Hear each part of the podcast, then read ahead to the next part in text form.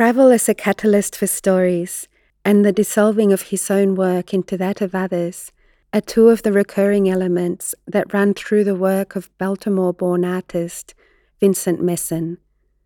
His multifaceted investigations, which he shares in the form of films, publications, songs, installations, and curation, connect an extensive network of collaborators and establish an absorbing structure of narratives capable of metabolizing the encounter with totally unexpected characters and events. The discovery of colonial cognitive tests used to measure the capacity for abstraction in the Congolese population, the invention of the first local abstract artists by Belgian collectors, and the emergence of May 1968 protest songs written by a Congolese member of the Situationist International, are examples of projects in which Meessen identifies eccentric, unexplored episodes and reworks them based on a methodology that, in his own words, has a metamorphic value to keep moving. Sonia talks to Vincent Meessen about journeys, uprisings, and metaphors, about work cooperatives, music groups, and constructed scenarios, about the politics of doing versus the politics of showing, and about how to revivify lost or dying colonial memories in the present.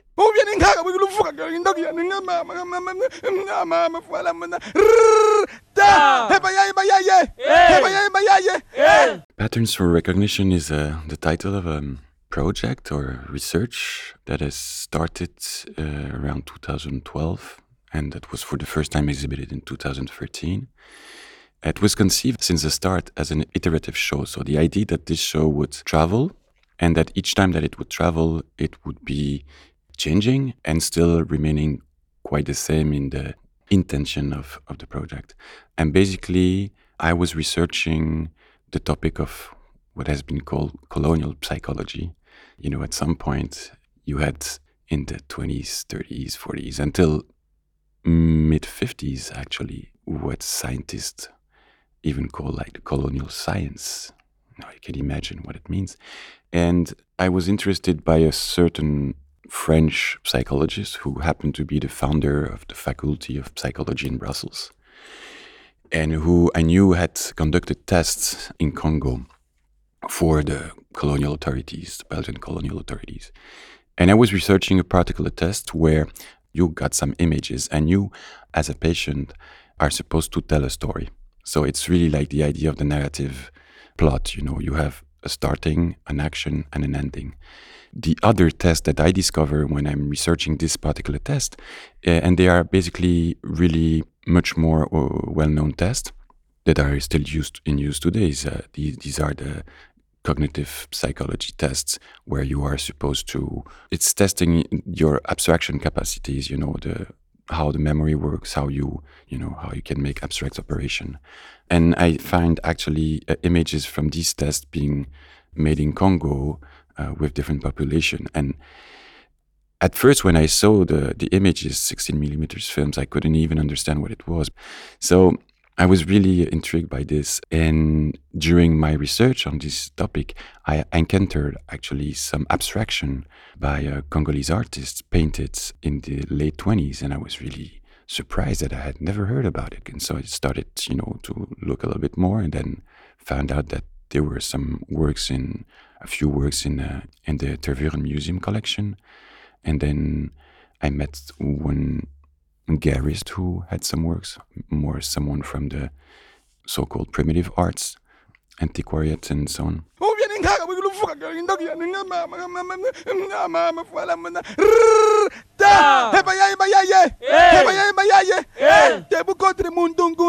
After a few months, I understood that I could possibly make a show out of this and, and organize a sort of meeting, you know, between uh, some modules, some sculpture, and so being able to show some parts of these films that I had found that were linked to colonial psychology tests trying to measure the capacity of abstraction of black people in Congo and showing next or in dialogue with these structures and these films, showing this uh, fantastic abstraction from the late 20s that are barely known and most of them unknown actually.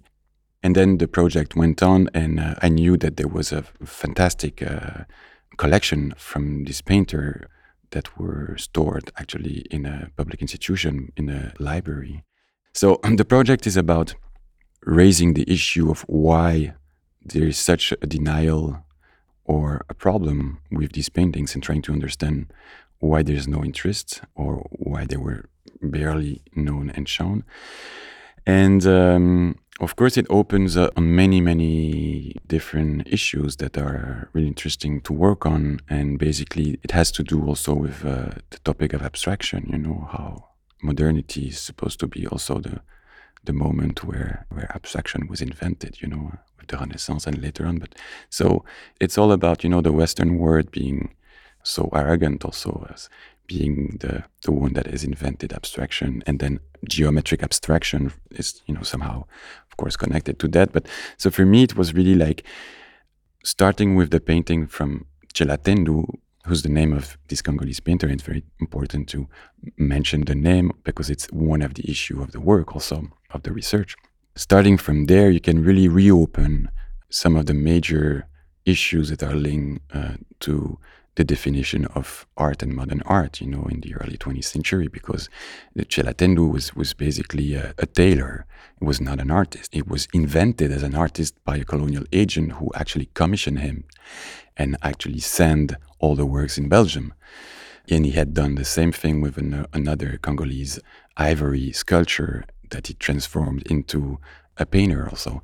And let's say that these two person and some others that are less known are now presented as the pioneers of modern art, modern painting in Congo.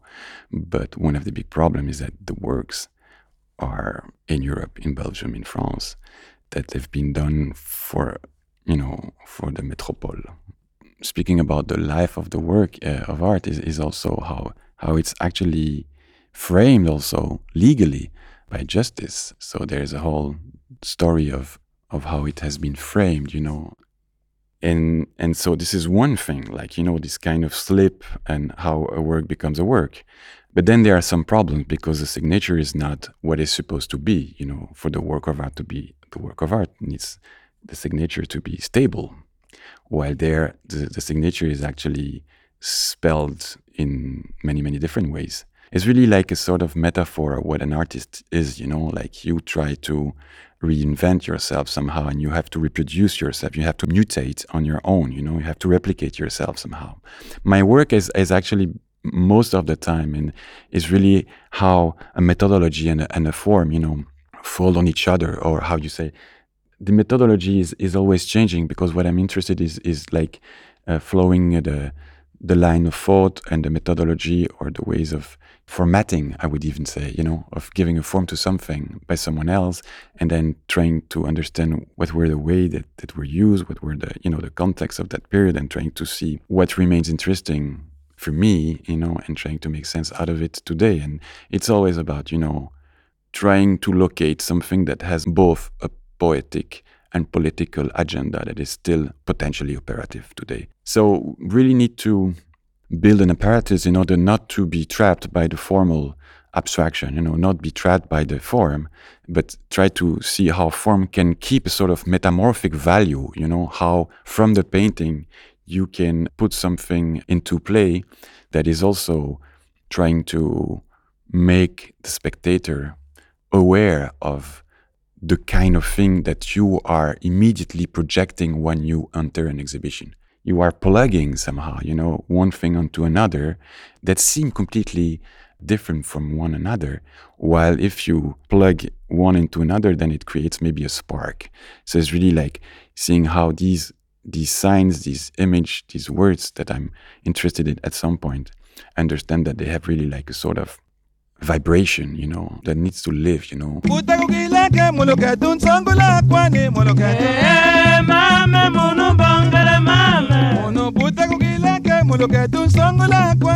So yeah, the title of the show is also, you know, using jargon coming from the, the psychology. Yeah?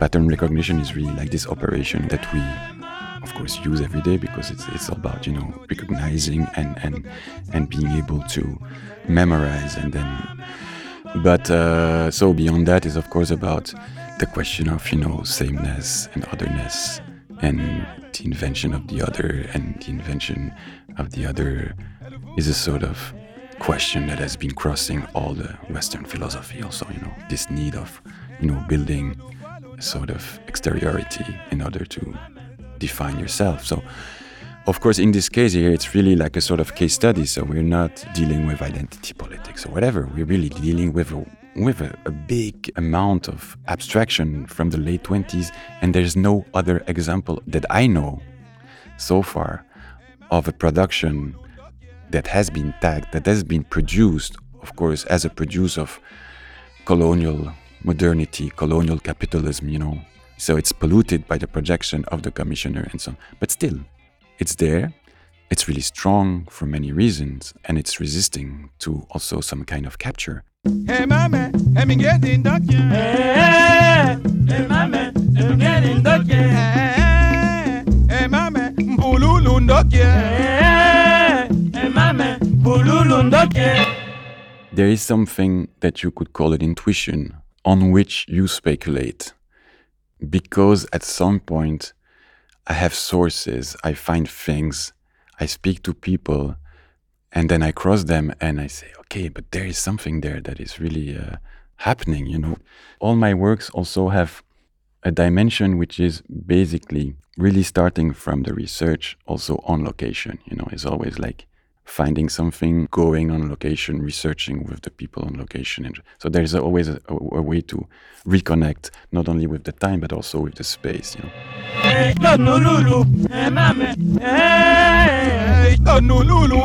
I think this this idea of sort of the constructivist scenario is, is also much more coming from you know from philosophy and from the rediscovery of these threads and. Uh, and also I'm not again a specialist of constructivism, but I've been reading, you know, and trying to take what is interesting for me about that. And I think that, yeah, it's really about getting out of the, you know, getting out of the matrix. Not only this colonial matrix, you know, but this coloniality of you know, knowledge is also there, and I'm so polluted by that, you know. Also, that why it is it becomes important is is when you are facing, you know, other ways of dealing with the world other ways of dealing, you know, with the sensible, with the environment, with the, and of course, when you travel in Dakar or in Burkina Faso or in Asia, I think you you are completely out of the grid, you know, and you have to navigate also with some other thoughts, some other relationship to objects, to persons, to time, to to everything, and it becomes really productive, I think, because you are you are obliged actually to open up, you know, and reconsider the way you relate to the so-called outside. How do you deal with this in a way that is interesting and productive, not in a way that is a sort of museography, you know?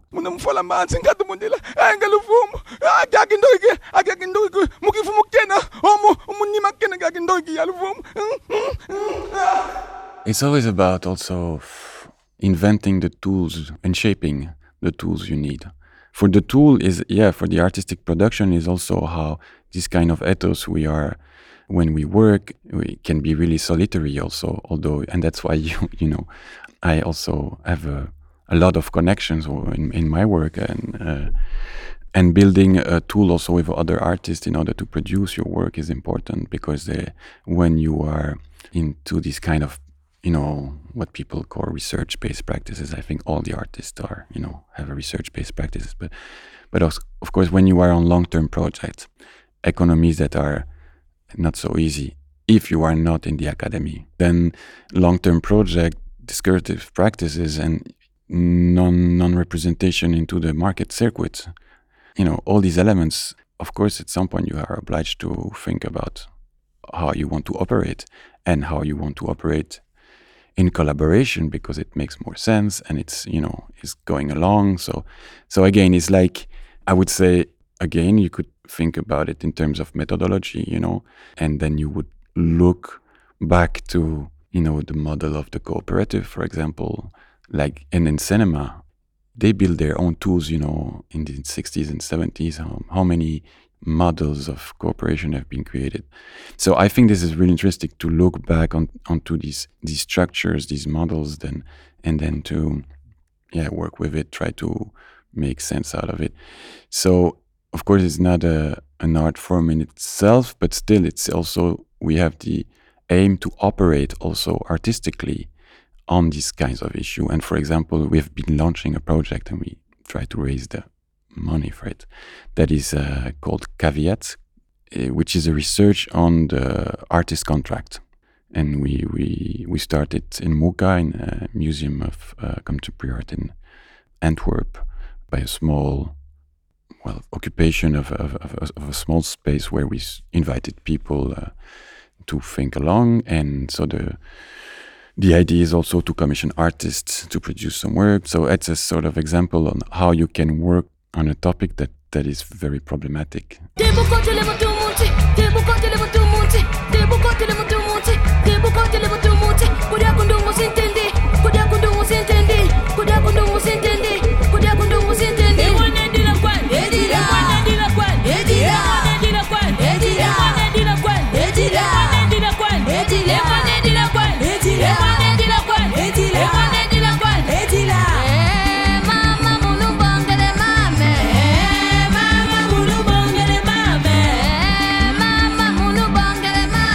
If I think about the work I did in uh, Congo, which was actually the first time I was mm, traveling to Congo and working on a project that was linked to what I call the last international modern avant-garde, like the Situationist International, and finding in Congo a living member uh, that was uh, not an official member because you know you have like official members of them Situationist International. Let's say um, a student who was uh, allied and, and operating um, in the 60s, being part of uh, some discussions and conference uh, in Paris and Brussels. So the work I did in Congo, based on a document, lyrics from a song, protest song written by a Congolese situationist that are written in Kikongo language, alluding the events of May 68 in Paris and trying to raise, you know, sort of uh, internationalist agenda of struggle also for the people in a region in the Bakongo. This is the starting point for the project. And then how it starts is, is director of an institution buying some archive to Raoul Vaneigem, a very important uh, member of the Situationist International. And within the archive, there is this thing and I start there actually. First step locating the author, finding him after some research from here, connecting with people over there, going on location, meeting the guy, and so on. And then, okay, we have a problem. We don't have the music. He doesn't remember the music, although he knows that it's a certain style of music. And I, I decided to, since the start, to work with a, a producer, a big specialist of, of rumba, because I think it's a rumba uh, from the from '68, and uh, this producer happens to be uh, someone who's been working in Congo since the '80s, or and and first a musician himself, and being a producer of bands that became quite famous. And we discuss, and, and I don't know actually the the of course the environment. As I told you, I've never never been to, to Congo before, so so we have to think about what does it mean this text today in there? It's interesting, of course, because it's bringing a new storyline to the Situationist International. There were two people from Congo that took part that think with with them there were some texts produced and beyond this song, which is really the product of an encounter that you could never expect, like a song in Kikongo alluding to the the struggles in '68 in Paris, and so we we have in the start we have something that is really really strong in terms of you know mythography, I would say, you know, but we don't have something that is valid in terms of how can it operate over there. And then there is something, and then with the producer we're we're discussing, and at some point said there is something happening at the moment in Kinshasa that is not new, but that wasn't there for a long time. That is basically women, all women band working together, where rumba is really a sort of very very male environment, very uh, hierarchical, you know, a structure, a patriarchal structure, but really with a hierarchy that is very very important and that is rooted in in the history of, of the music over there. For one example, the musicians don't own their instruments. You know, it's it's like the chef d'orchestre, uh, the boss who owns. So there's a whole economy that is organized also. And these women, they decide to come together and to make a, a band. And the last band that was like that uh, ended in in '68. So there is a sort of accident of history, and then you you can see that there is something happening and they're amateur and you can work with professional musician and make the reprise the cover or make the new version in three days in a studio. I mean it's it's quick maybe uh, uh, a little bit more expensive but even not because i mean i've been working with the with the women for weeks and weeks. So the idea was really how the project can be a moment of empowerment also for, for these women that they're going to be trained and work with I think one of the best producer that I could find for them to evolve and, and, and make the piece. But what I would like to say is that the way you work is very important. It's not only about showing, you know, showing the work over there. It's how you make it. You know, it's again, it's the politics that are present in the moment you do your work. That is very important. Now about showing, for example, this work, I cannot show it there because it's too dangerous, not only for me, because I somehow I would be protected, you know, with my passport. But for the people who are in the film, and also because of the fact that in this film there are some riots, there are some shouts, there are some words that have been that are being said, where one single line is actually uh, alluding to President Kabila, and that is a, a sort of motto from the resistance, from the from the young people, which actually says. Uh, kick him out, you know, kick him out. But it's it's this sentence is is has a very particular meaning, and only for that reason, and because the, the riots against his way of trying to be reelected, you know, trying to change the constitutions and things like that, um, that are present in the film, makes it impossible to show it, for example. So sometimes there is also, uh, you know, reasons that are really linked to the content of course, when we look back at the past in history, then we can trace back some stories that maybe we can learn something from that.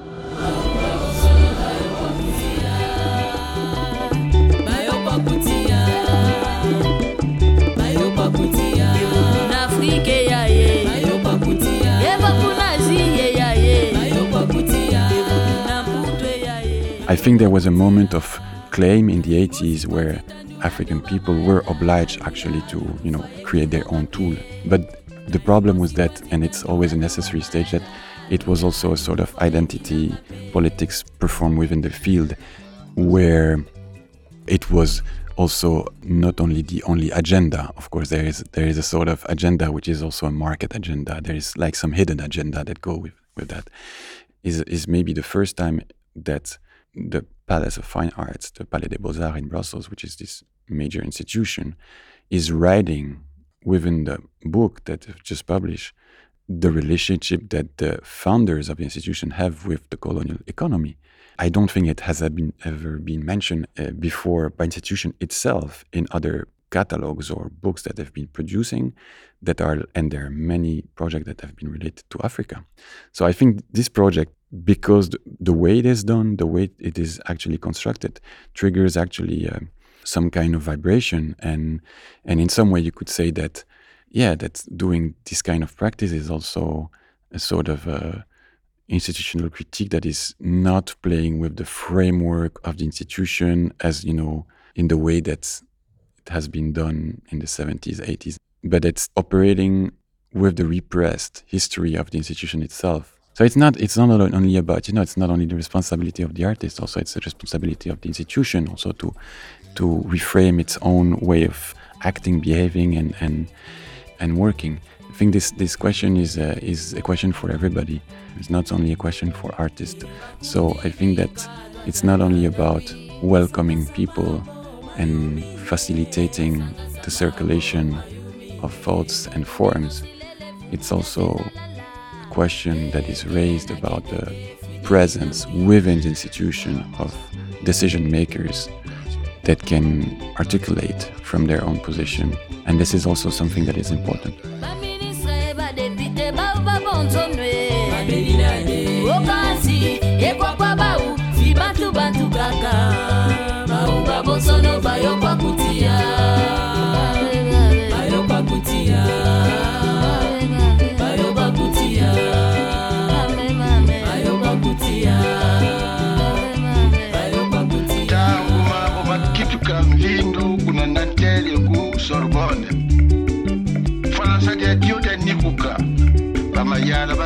nzela ntela baarrange e basituationniste bawawa na se muntu musi kadi bavisa diadi mumvingudulu matuka makubu.